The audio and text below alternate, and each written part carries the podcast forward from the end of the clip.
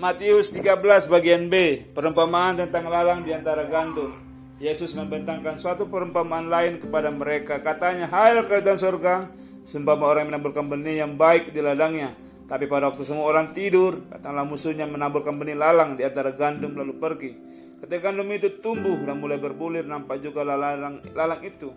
Maka datanglah hamba-hamba Tuhan ladang di Tuhan ladang itu kepadanya dan berkata, Tuhan, bukankah benih baik yang Tuhan taburkan di ladang Tuhan? Dari manakah lalang itu? Jawab Tuhan itu seorang musuh yang melakukannya itu lalu berkatalah hamba-hamba itu kepadanya.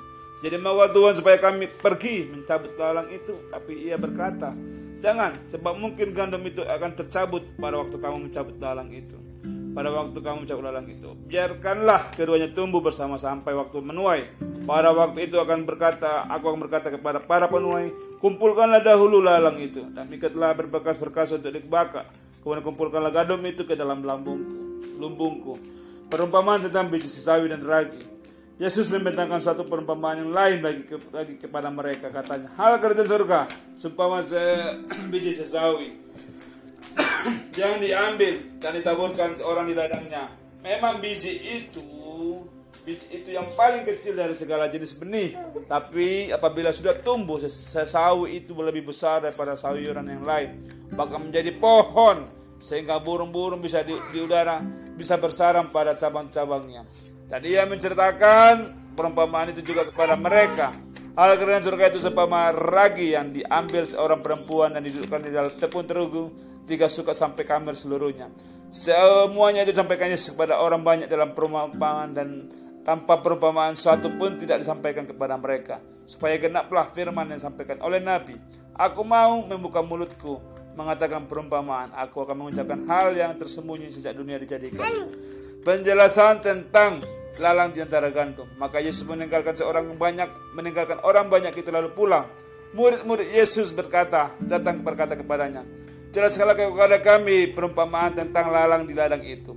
Ia menjawab katanya, orang yang menaburkan benih baik ialah anak manusia. Ladang ialah dunia. Benih yang baik itu ialah anak-anak kerajaan dan lalang anak-anak si jahat. Musuh yang menaburkan benih lalang ialah iblis Waktu menuai ialah akhir zaman dan para penuai itu malaikat. Nanti malaikat yang menuai ya. Malaikat.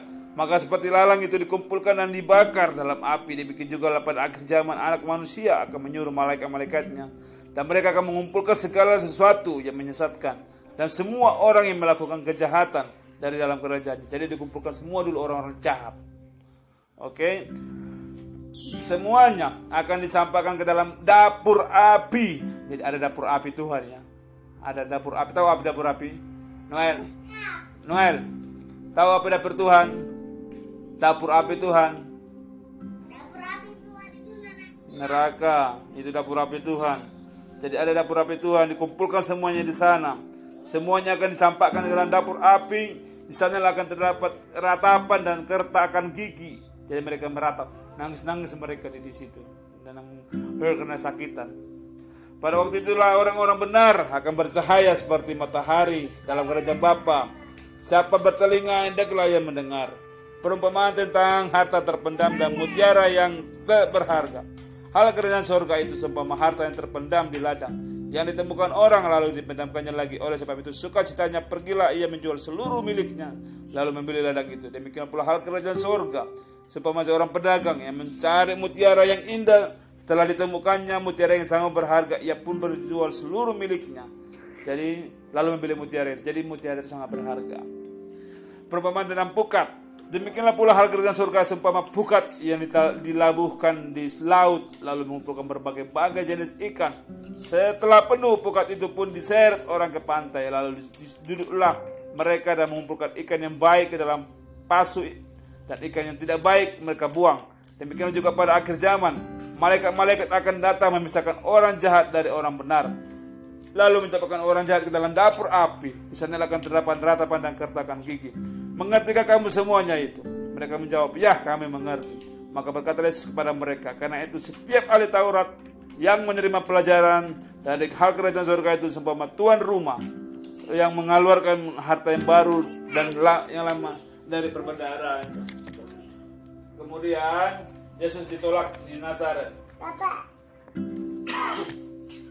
Sesudah Yesus selesai menceritakan perumpamaan itu, ia pun pergi dari situ. Setibanya di tempat asalnya Yesus mengajar orang-orang di situ rumah ibadat mereka, maka mentakjublah mereka dan berkata, dari manakah diperolehnya hikmat itu dan kuasanya untuk mengadakan mujizat-mujizat itu?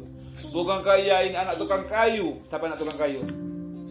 Anak tukang kayu, Yesus. Bukan ini anak tukang kayu.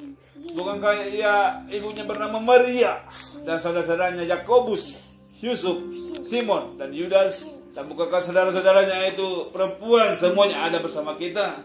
Jadi dari mana kalian peroleh semuanya itu? Lalu mereka kecewa dan menolak Yesus.